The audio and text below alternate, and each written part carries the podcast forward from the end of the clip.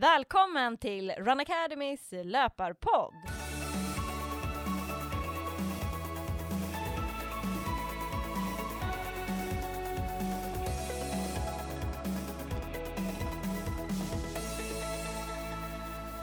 Det här är podden för alla er som gillar löpning. Jag heter Johanna Bäcklund och har med mig Run Academys grundare Petra Kindlund. Tack så mycket! Och idag blir det ett spännande avsnitt där vi ska fokusera lite på motivation och det behövs ju lite extra motivationskick i, i dessa tider. Hur man ska motivera sig under den här coronatiden och när det inte finns några lopp. Så det kommer vi fokusera lite extra på idag. Det blir spännande. Eh, men det är ju så att eh, allting är lite upp och ner så att man har inte så stor koll på vad som kommer att hända framöver och när det kommer kunna dra igång. Men träningen ska ju fortfarande bestå.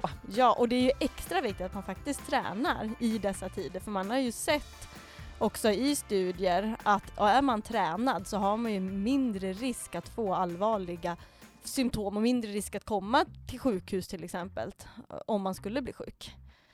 Så det, det är jätte, jätteviktigt att man håller igång med träningen under dessa tider.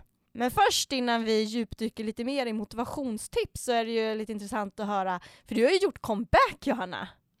Ja, eh, så kan man väl se det. alltså det är ju, ja, jag sprang för mitt första lopp sedan eh, förra sommaren, så att eh, senaste loppet var halvmaran i Anderstorp och nu fick jag springa ett 10 kilometers lopp i Bålsta på första maj, så det var riktigt skoj och det var ett mindre lopp, så det var totalt 16 startande, åtta kvinnor och åtta män.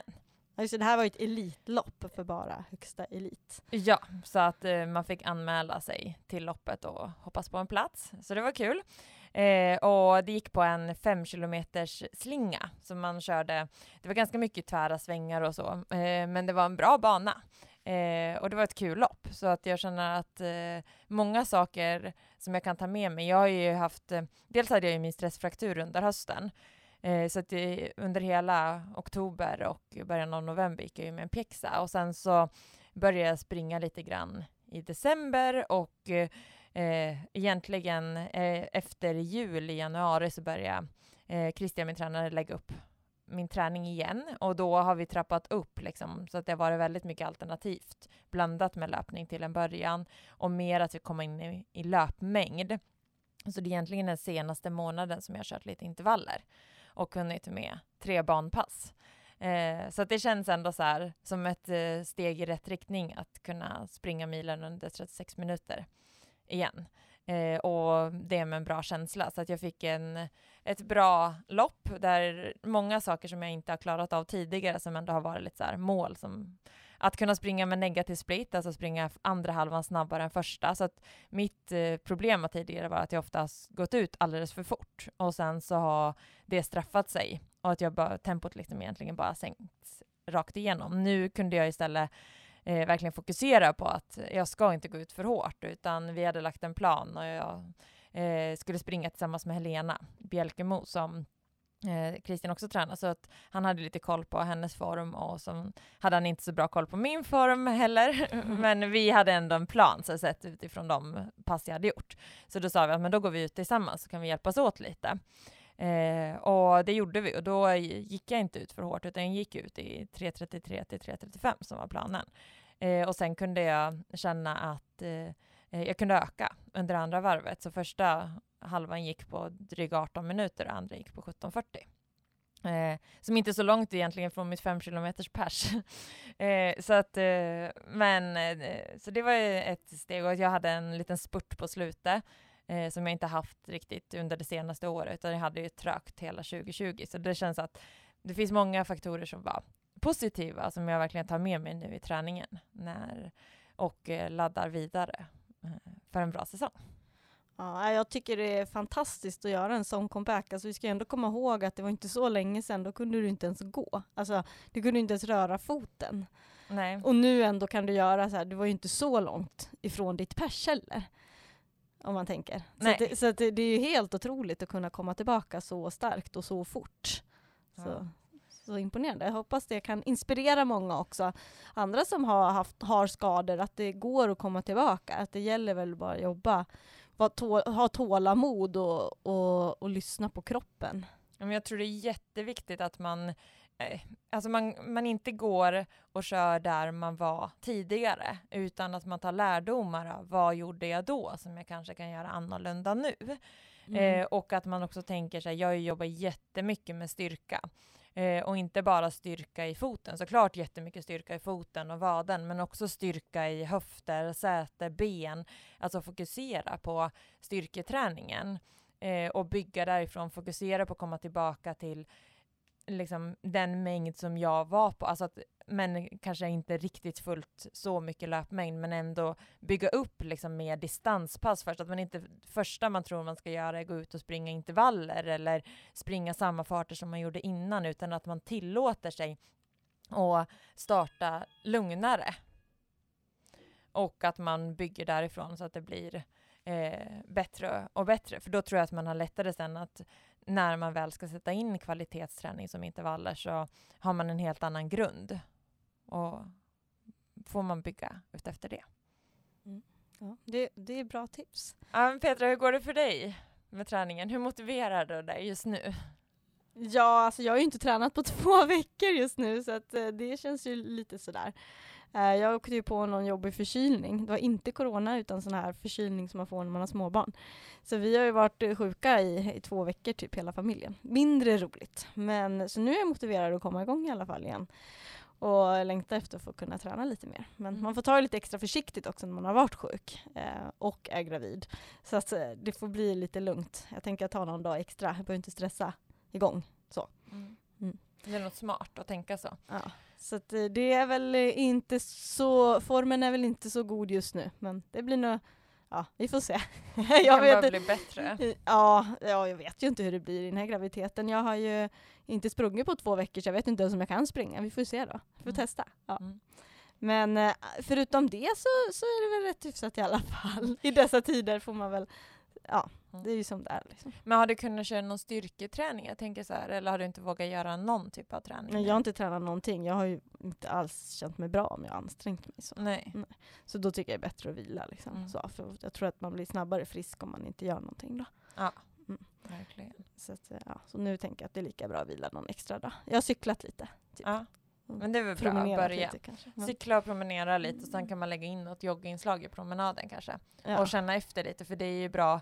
Det är ju bra att träna under graviditet, det har vi lärt oss. Ja, men eh, det är ju också viktigt att man lyssnar på kroppen och känner efter och inte förivrar sig. Ja, ja men jag är rädd också om jag börjar för tidigt med att liksom eh, springa nu. Jag har ju varit, haft, varit täppt väldigt länge, liksom en vecka nu. Ja, typ varit jättetäppt. Mm. Uh, och, då så fort jag börjar testa springa så blir jag jätte, jättehostig. Mm. Eller jag har testat någon gång så här, men typ, eller det räcker att typ gå upp för lite snabbare upp för en backe så får man värsta hostattacken. Ja, så att då är det ju ingen höjdare. Men, nej. nej. Men men, så det är inte så jätteintressant att diskutera om mig just nu för jag har inte så mycket spännande, det har inte hänt. Uh, jag skulle ju varit med på löparläger här vi hade i, på Österlen. Mm. Uh, och det fick jag ju hoppa över då eftersom att jag inte var helt frisk. Så det känns ju lite tråkigt också när man varit med och planerat mm. för det lägret och verkligen sett fram emot det. Men de hade i alla fall väldigt lyckat läger så det är kul att det funkade bra också att få mm. till det i, i dessa tider. Så att, uh, ja. Och det är ju, vi har ju flera kommande läger på gång också, så det är ju väldigt kul. Mm. Eh, känns spännande. Mm. Eh, men hur ska man då, nu när det inte finns så mycket lopp, det finns eh, börjar komma en del eh, lokala restriktioner och rekommendationer, eh, så att det är liksom, man blir ännu mer begränsad igen. Hur ska man då motivera sig till träning? Men jag tror att det är viktigt att ändå sätta upp något form av mål, alltså någon anledning till varför man ska träna. Eh, och det, måste, nu kan, det är ju svårt kanske att ha så ett lopp som ett mål, eh, men det kan ju vara, man kan anmäla sig till ett av våra läger till exempel, det kan ju vara ett mål. Mm. Eh, men också kan det vara ett mål att man, att man kanske har, nu ska jag träna tre dagar i veckan och försöka klara av det i sex veckor. Mm. Eller, alltså det kan ju också vara ett mål. Eller mm. nu ska jag klara av att springa, man kan ju ha någon sträcka eh, hemma vid som man tar tid på och ser att man kan förbättra sig på, det, på den sträckan. Mm. Men att man har någonting som triggar en lite så här, för annars är det lätt att man bara så här, slappar ihop helt om man inte har någon anledning till att träna. Jag tänker också så här, eh, även om vi inte vet hur det ser ut med loppen i höst, som eh, planen är ju att det ska gå eh, flera av de större loppen under hösten. Men även om vi inte vet så är det ju liksom så här, man kan ju fortfarande träna med målet att man ska kunna springa loppen. Eh, för att just ha, om det är så att man sen inte skulle kunna springa loppet så har du ju fortfarande gjort en superbra resa dit och det kommer du kunna hämta hem eh, om, eh, inför nästa år. Alltså där, så att även om du har tränat på bra och inte får prestera eller får prestera på hemmaplan själv, eh, ett maraton eller ett halvmaraton eller vad som helst, så finns det ju, har du gjort en superbra träning. Så att jag tror att man kan på något sätt ändå tänka sig att man ska ha det där loppet långsiktigt framåt och att man fortsätter träna. Exakt. Och ofta så blir ju loppen annars virtuella, så då kan man ju ändå köra det på egen hand. Men det kanske inte blir samma sak. Men, Nej. ja. Men det kan man ju i alla fall ha som en morot. Mm. Och eh, det är lätt att man annars liksom skjuter på träningen hela tiden tror jag. Att eh, ja, men nu finns det inga lopp, man vet inte om det kommer bli av och så bara skjuter man, nej men jag behöver inte börja träna än och sen så står man där och bara jo men Stockholm Marathon blir av den 9 oktober och så är det augusti och man har två månader på sig och det bara blir stress och då är det ju inget kul så därför är det bättre att redan nu eh, börja träna och få regelbundenhet och kanske ha, man kan ju tillsammans med ett fåtal eh, vänner kanske eh, springa på någon rundbana eller eh, bara på bana, friidrottsbana och köra någon kortare så här eh, 10 kilometer eller 5 kilometers test tillsammans bara för att få lite loppkänsla. Verkligen. Sen har ju vi också nu eh, en vårutmaning som precis har startat eh, där vi avslutar med ett virtuellt lopp, ett Run Academy Open, där man kan välja att springa 5 kilometer, 10 kilometer eller eh, halvmara, 21,1. Och det är ju också ett sätt att motivera sig. Hur går utmaningen till Petra? Eh, I vårutmaningen så utmanas man på tre till fyra pass i veckan och i alla pass, så i alla löppass så är det en ljudfilspass där man blir coachad av någon av oss eh, tillsammans med peppande musik. Eh, och sen har vi också styrkepass där man blir coachad av någon av oss. Eh, så det är ju bara att trycka på play egentligen och följa instruktionerna. Alla pass kan man ju smidigt köra hemma så att det är ju supersmidigt. Och sen avslutas ju hela utmaningen med den här Run Academy Open. Och där är tanken att alla egentligen ska kunna bli vinnare. För att innan den här utmaningen, eller innan man anmäler sig till loppet, så får man gissa vilken tid man tror att man kommer springa loppet på. Och sen den som är närmast sin gissade tid, det är de som blir vinnare. Så det är lite kul, det blir lite på ett annat sätt eh, än vad kanske vanliga lopp är. Så det hoppas vi också kan inspirera många att vilja vara med. Cause tall like I'm on my tiptoes, baby. You think a little too small. I got big goals, baby. Ain't where the money at. Look, I just need the info. Pronto, I go and get it and split it with my kinfolk daily. And I'm the type of that might change my number on you. Yeah, that's how you react when people took a slumber on you. Pretty brown skin, baby. I can see the summer on you. You see all the bread, and I know it make you wonder, don't you, don't you, don't you? Ooh. Vad kan man mer göra för att hitta motivationen?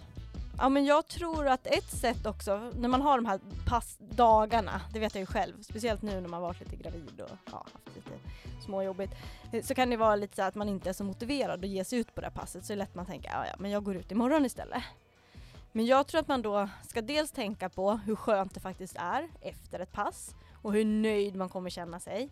Och bara liksom där tänka på den tankarna så kan ju det motivera en att ta sig ut. Sen också att man sänker kraven på sina pass. Att det måste inte vara så hårt, det måste inte vara så länge. Allt är bättre än ingenting. Eh, och ett sätt att sänka kraven och bara ta sig ut och så känna att man ändå gör lite nytta, det är att testa på det här nya fenomenet som är startat av Erik Karlström som kallas för ploggning. Där man plockar skräp samtidigt som man rör sig och springer lite. Så det tycker jag är ett väldigt bra initiativ som också är bra för miljön. Så då kan man känna att man kan få lite rörelse och så, så kan man också plocka lite skräp. Och så, kan man, så då kan man i alla fall gå ut och göra det de dagarna man inte känner för att springa. Så blir det ändå nytta på två sätt. Att du ändå får lite rörelse och får lite frisk luft. Mm, verkligen. Mm. Men vi kanske ska ringa upp Erik och kolla lite mer kring plogga? Ja, det vore ju superintressant att höra vad det egentligen är för något och varför han startade det. Ja, vi gör det. Erik. Hejsan Erik, det här är Petra från Run Academy. Och Johanna. Tjena, tjena Run Academy! Och vi ringer dig för vi skulle gärna vilja höra lite mer om ploggning och vad det är för något och varför man ska göra det. Ja, vad kul! Vilken, vilken ära att få, få vara med er. För ni har ju varit med i, i det, här, det här budskapet väldigt länge och det är ju så att vi som gillar fysisk aktivitet och vi som trivs ute i naturen, för oss är det extra viktigt att, att plogga. Och plogga står ju faktiskt för att plocka skräp och jogga. Det är ju ett samlingsnamn, men i grund och botten så har det inte så väldigt mycket just med själva joggningen att göra, utan det är förändra, bryta ett mönster och bryta en norm. Och normen är så pass enkel att ser man skräp så ska man plocka upp det här skräpet. För om du, om du börjar göra det så kommer personen bakom dig göra samma sak. Så det är egentligen att se till så att det här skräpet som man ser att man börjar plocka upp det, för då skapar man en norm och en förändringsattityd. Eh, och sen så kombinerar vi just den här fysiska aktiviteten Eh, och jag kommer berätta lite anledningen. Det är faktiskt fem, fem stora viktiga anledningar till att plogga är så pass viktigt. Mm. Vad är de anledningarna? Ja, de anledningarna är nummer ett. Det är ju att vi framför allt faktiskt i dessa pandemitider så blir vi mer och mer fysiskt inaktiva och vi sitter inne, vi jobbar inomhus, vi rör inte på så mycket. Och Eh, men också nu när vi går omkring med masker så har vi svårt att kommunicera med varandra och vi, vi skapar tyvärr en väldigt, ska säga, nästan en fientlig, en helt exkluderande eh, effekt. Och, eh, och då är det att göra så att drygt hälften av alla svenskar är ju överviktiga och om man tar hur mycket tid vi tillbringar framför våra telefoner, våra datorer, så rör det sig uppemot nästan 10 timmar per dag. Alltså, har jag fått ett ganska skrämmande exempel. Och värst är kanske våra ungdomar. Och om vi inte tar hand om den här generationen och får dem att röra på sig så har vi en, en briserande hälsobomb här ganska snart. För att bara nu så rör sig en 14-åring, det var 9% av alla 14-åringar som rör sig tillräckligt. Så nummer ett är att vi rör på oss för lite och då är plogga en fantastisk aktivitet eftersom eh, det är betydligt jobbigare att plogga än att, än att springa. Det, det brukar säga run but run with a purpose och det bränner, bränner mer kalorier. Så det är nummer ett. Att vi måste få igång ett lustigt sätt att röra på oss och eh, plogga blir som en skattjakt. Man brukar tävla med skräp, mest användbart och det äldsta skräp och det kanske är det knasigaste skräpet. Så det är nummer ett. Nummer två, det är ju faktiskt så att det kommer finnas mer plast i haven än fisk 2050. Och det rör sig alltså bara om 30 år kommer det finnas mer plast i haven än fisk. Redan nu får vi i oss ungefär 3 gram mikroplast i veckan, lika mycket som ett kreditkort.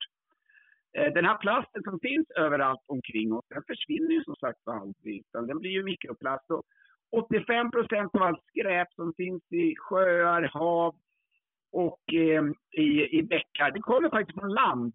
Det blåser från land ner i havet, ner i sjöar och så omvandlas det då till mikroplast. Så vi måste se till att plocka upp allt det här skräpet innan det hamnar i havet. För att eh, det är bara 5% som man ser som hamnar i det andra flyter omkring där nere och tyvärr då får fiskar och andra djur i sig mycket av det här. Så det är nummer två, att vi måste få upp skräpet innan det hamnar i havet. Eh, och att det alltså kommer finnas mer plast i haven än fisk. Nummer tre, det är att vi tar död på djurlivet. Eh, redan nu så har vi tagit död på ungefär 60 procent av alla ryggradslösa djur. Mycket av eh, fåglar får i sig plast istället för mat. Många svälter till döds. Vad sker tror ni med de här aluminiumburkarna som ligger vid dikesrenen som skärs upp när det klipps? Jo, det, de här kommer in i ensilagen. Bönderna får in det när de klipper sina gräsmattor. Hästar och kor skärs upp invändigt och förblöds. Så det, det tar död på djurlivet av, eftersom vi skräpar ner så pass mycket. Så det är nummer tre. Nummer fyra har att göra med ekonomin. Vi, vi lägger ner enorma pengar, uppemot en miljard, på att att folk ska vara anställda för att plocka skräp. Eh, om vi skulle kunna lägga våra, våra skattepengar på någonting annat i dessa tider så skulle vi så, så är det nog att rekommendera. Och sen så har vi då den sista och det brukar jag säga är The Broken Windows Theory och eh, det var så här. Känner ni till det för övrigt? Mm, nej. Nej, då berättar jag. Det är, var ju så borgmästaren i New York tyckte att det var så mycket kriminalitet, så mycket våldtäkter och det var liksom en olustig stämning i New York så han ville bryta den dåliga cirkeln. Ja, hur gör man då? Han gjorde det så pass enkelt så han tog bort all graffitin, han såg till så att de krossade rutorna lagades omedelbart. Det var bara så att eh, han, han förflyttade på så sätt, han tog bort mycket av kriminaliteten och drog, droghandeln och misshandeln. Men även var det så att folk började kommunicera med varandra. De började bli stolta. De började bli stolta där de jobbade, där de, där de bodde.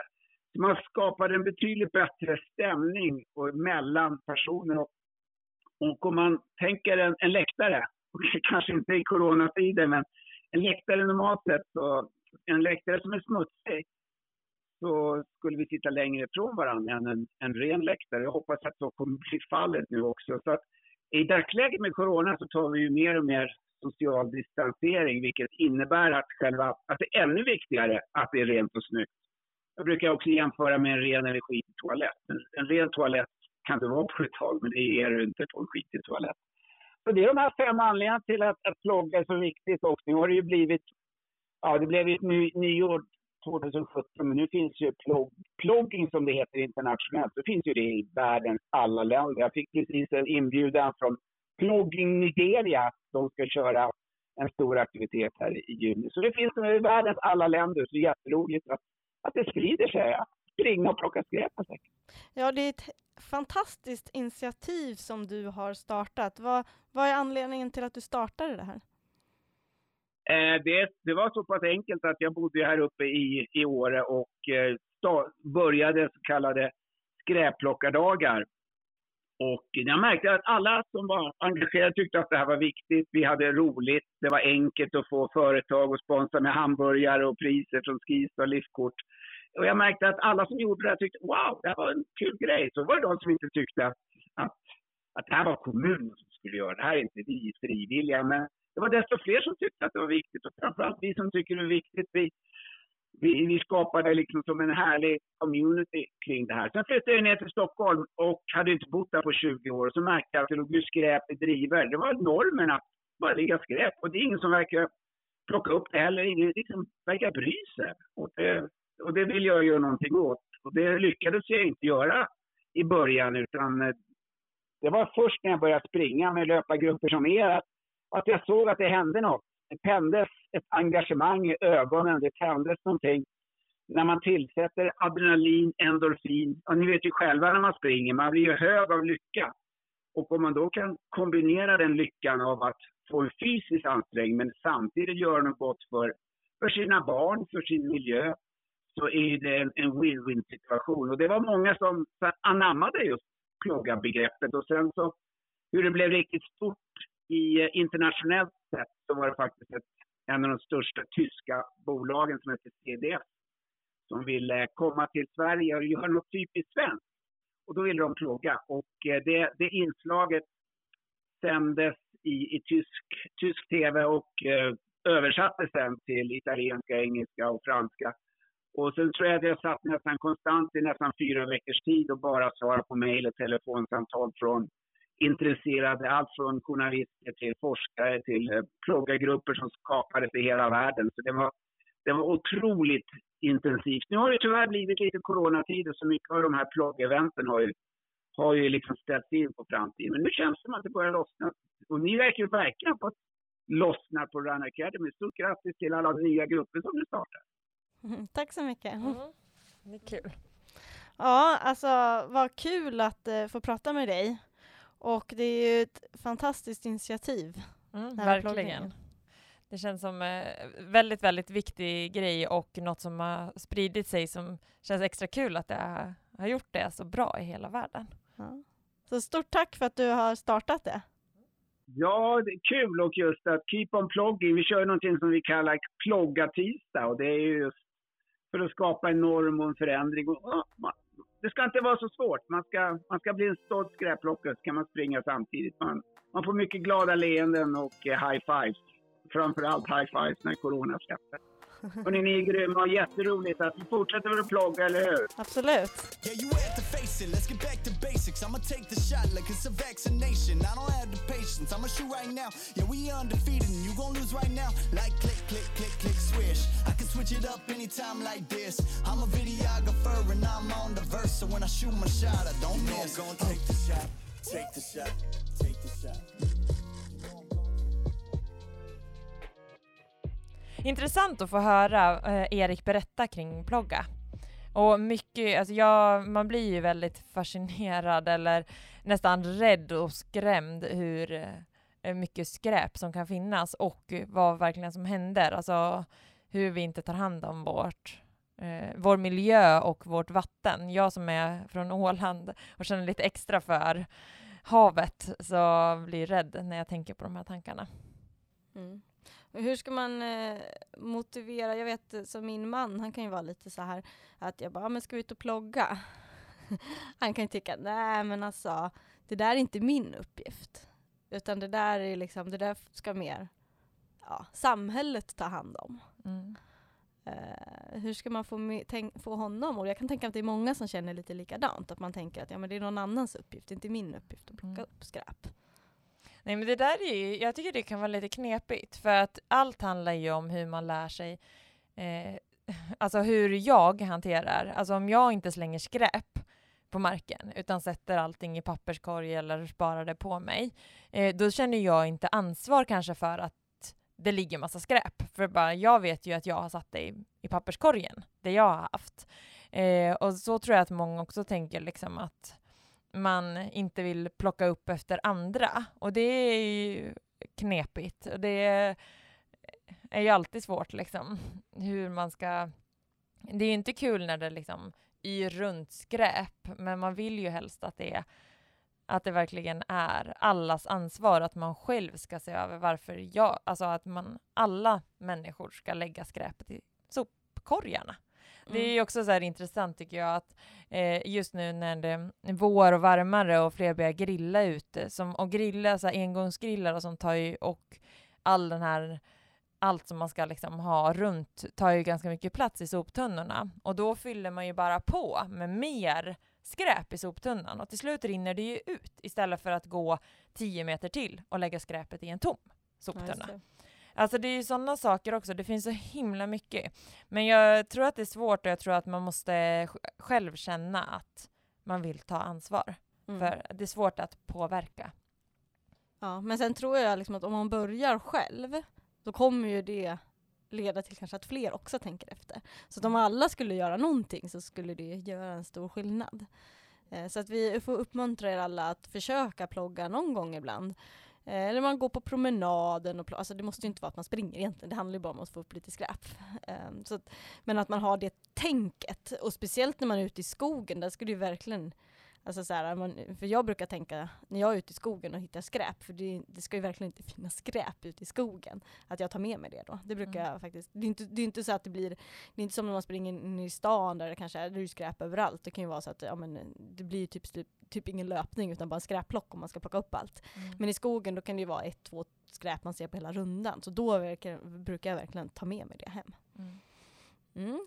Men eh, vad ska man då tänka, vi ska ju prata motivation, vad kan man mer göra då för att få hitta motivationen Johanna? Jag tänker så här att eh, det som ofta händer är ju att man har en lite motivation nu när det har blivit ljusare tider, alltså när vi har gått mot vår. Eh, det är varmare ute, man kan klä av sig några lager kläder, så då brukar man hitta motivationen och börja träna en del. Eh, här gäller det ju att man inte förivrar sig utan att man har rimlig plan, kanske kör två, tre löppass i veckan om man inte har sprungit så mycket.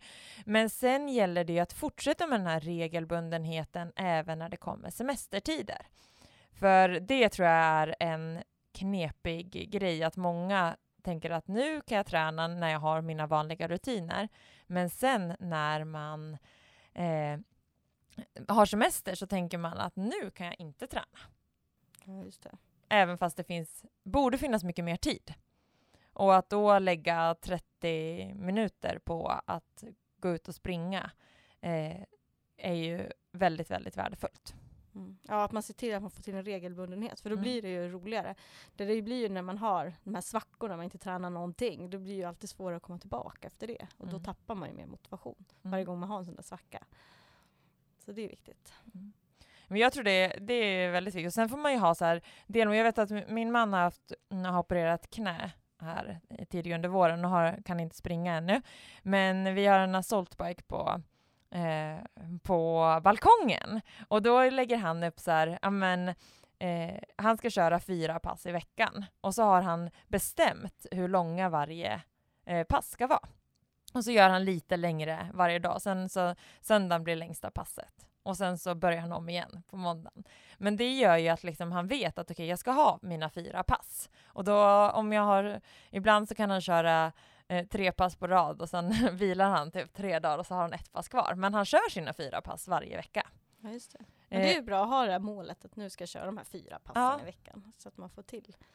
Jag tror det. Och är väl liksom så här, ja, men man tänker och tar det från sin nivå där man är just nu.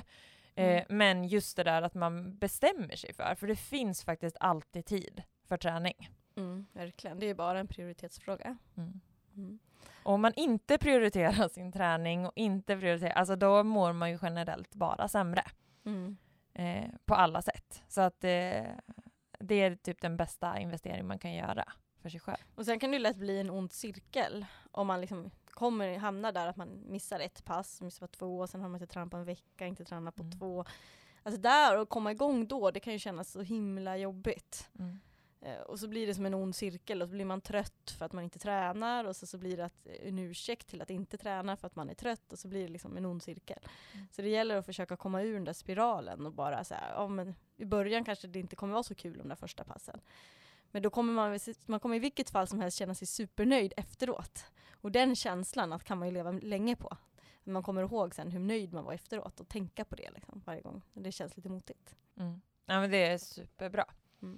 Men sen också att man, eh, för, för en som kanske håller igång lite med träningen, eh, att man då inte alltid kör samma sak. Man springer inte alltid samma runda. Försöker upptäcka nya platser Mm. eh, och varierar träningen lite mer. Mm. Hur kan man variera träningen? Men jag tror att man ska tänka så här att alla pass, eh, dels behöver inte alla pass vara lika långa under en vecka, utan man kan ha lite olika längd på passen om man bara vill köra eh, vanlig jogg. Men om, eh, annars är ju ett väldigt bra tips att lägga in intervaller. Eh, och tränar man då två, två till fyra gånger i veckan, då kan man nästan köra två pass intervaller minst i veckan. Mm. Och här kan det ju vara alla möjliga typer av intervaller. Du kan köra en minuts intervaller med 30 sekunder vila mellan, eller du kan köra eh, fa- alltså en stege där du kör en tre minuter, en två minuter, en en minut, eller du kan köra några backintervaller. Du joggar en runda och så hit kommer du till en backe och där kör du lite backintervaller upp och Just det. sådär, att du kan liksom, äh, men att man tänker att det ska vara någonting som får upp pulsen lite mer två gånger i veckan. Men sen, och här måste det ju inte vara att man kör all in på max. För det kan ju också vara så här att man känner att okej nu ska jag göra det här passet, jag ska känna mig spyfärdig innan. Att det gör att man säger men då skippar jag de där intervallerna eller skippar det här passet. Jag tycker, det har ju varit skönt nu under min graviditet, då har jag kört mycket om våra ljudfilspass. Och vi har ju många pass som är så här, man kan riva av på typ 20-25 minuter. Och det tycker jag har varit skönt man kanske inte haft så här, alltså bästa känslan när man sprungit. Men då har jag ändå kört det där passet. Och då har det varit lite mer så att ja men då kan jag varva intervall med att ta det lite lugnt på den där vilan. Men där intervallen, de dagar det har känts lite sämre, då kanske intervallfarten har typ varit min gamla joggfart. Alltså typ så, och sen har jag kunnat bara tagit det lite lugnt, men då blev det lite fartökningar. Det blev, Mm. och jag blev inte så jättejobbigt, men det blev lite roligare än att bara jogga. Mm. Så det blev så här, istället för att jogga så gjorde jag det här. Det kanske inte blev så stor ansträngningsskillnad, men det blev lite roligare. Mm. Så, så, så kan man också tänka med ett intervallpass. Det måste ju inte vara så här, bara för att man kör intervall att det ska vara stenhårt, utan det kan ju vara bara att man höjer farten lite, att det blir lite roligare än bara jogg. Ja. Mm. Och där är ju också någonting som man kan träna på, det är ju tröskelträning. Så där man inte behöver ligga och maxa, utan där man jobbar precis under sin mjölksyratröskel och bara hittar en högre ansträngning. Och här kan man göra allt från lite längre intervaller, alltså 3 gånger 10 minuter eller 3 gånger 8 minuter. Men man kan också göra en sammanhängande. tröskel där man kör liksom 20 minuter i ett, alltså, i ett lite högre tempo. Man joggar först fem minuter innan och sen fem minuter efter och så har man de där 20 minuterna. Då kommer man få en superbra träning på 30 minuter. Mm. Men inte behöver känna den där spyhetskänslan utan bara springa i ett högre tempo. Också lite så här progressiv distans kan man, om man inte känner att man vill eh, liksom få, alltså det allra bästa för att få utveckling på sin träning, det är ju att man har eh, lugna pass och sen har du hårda pass. Och att det blir liksom att du utmanar ditt hjärta, gör någonting som du inte har gjort förut, att du verkligen utmanar hela tiden. Eh, men om du känner att du inte riktigt har motivationen för att göra de där stenhårda, tuffa passen, då kan man ju också göra som progressiva distanspass, där man börjar i en lite mer bekväm, lugn fart, alltså verkligen så här prattempo. Så kan man öka lite successivt under passets gång.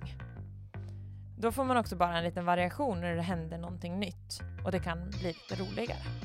I'm sorry, baby, I don't mean to be rude. Yeah, yeah. I'm just a little different from all these dudes. Okay, okay, okay, they riding waves, me, I'm up on a cruise. Yeah, yeah. You feel like me, then you got nothing to prove. Uh, uh. I see him trying, trying to do what I do. Yeah, yeah. Even Mick Jagger couldn't move like a move. Yeah, yeah. You think you're Howard, look, I'm up on the moon. Yeah, got fresh to death and it came out of the tomb. That's cause I, I, I got a different type of gratitude. Don't be sour, got my power from the Beatitudes. And we did it the long way, check out the latitude. I'm unapologetically fly, no wonder why, that's just my attitude.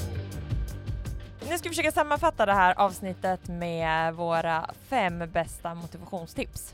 Mm. Så mitt första motivationstips det handlar om att man sänker kraven på den där löprundan och ger sig ut ändå även om man inte känner för det. Men ger dig ut och ploggar då eller gör, gör dig, alltså en kvart jättelugn jogg eller björnjogg som vissa kallar det, att man verkligen bara lufsar är bättre än ingenting. Att bara få lite frisk luft och få en vana att ta sig ut är ändå viktigt. Mm. Två, jag tycker ändå att man ska planera för att, eh, att det kommer komma lopp. Så att man, och det är ju faktiskt resan för, fram till loppet som är det viktiga. Och har man då det här loppet längre fram som ligger hela tiden och man tänker att det är det jag tränar för, då motiverar man sig till att ge sig ut på passen. Mm. Och sen nummer tre där att man ser till att försöka få till en regelbundenhet i träning. Att det är bättre att träna två dagar i veckan, i alla fall varje vecka, än att det blir liksom fyra, fem pass under någon vecka och så typ tre veckor utan någon träning alls.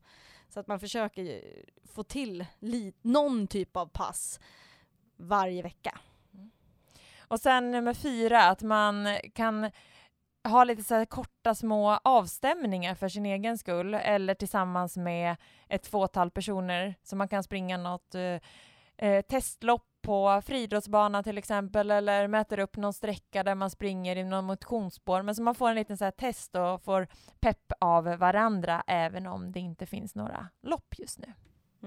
Och sen eh, femte tipset så handlar det om att man ska få variation i sin träning, att man inte alltid kör samma sak. Och här är ju ett tips att då hänga med i vårutmaningen, för då får man verkligen en variation och man får verkligen testa på nya typer av pass. Samtidigt som man också blir coachad av oss via ljudfiler som gör löpningen väldigt smidig och det är skönt att inte behöva tänka själv utan bara ha någon i lurarna som säger vad man ska göra. Det är sjukt, smi- sjukt smidigt och peppande måste jag säga. Och att man då också sen avslutar hela utmaningen med det här virtuella loppet, Run Academy Open, som kommer göra att man får en liten extra boost.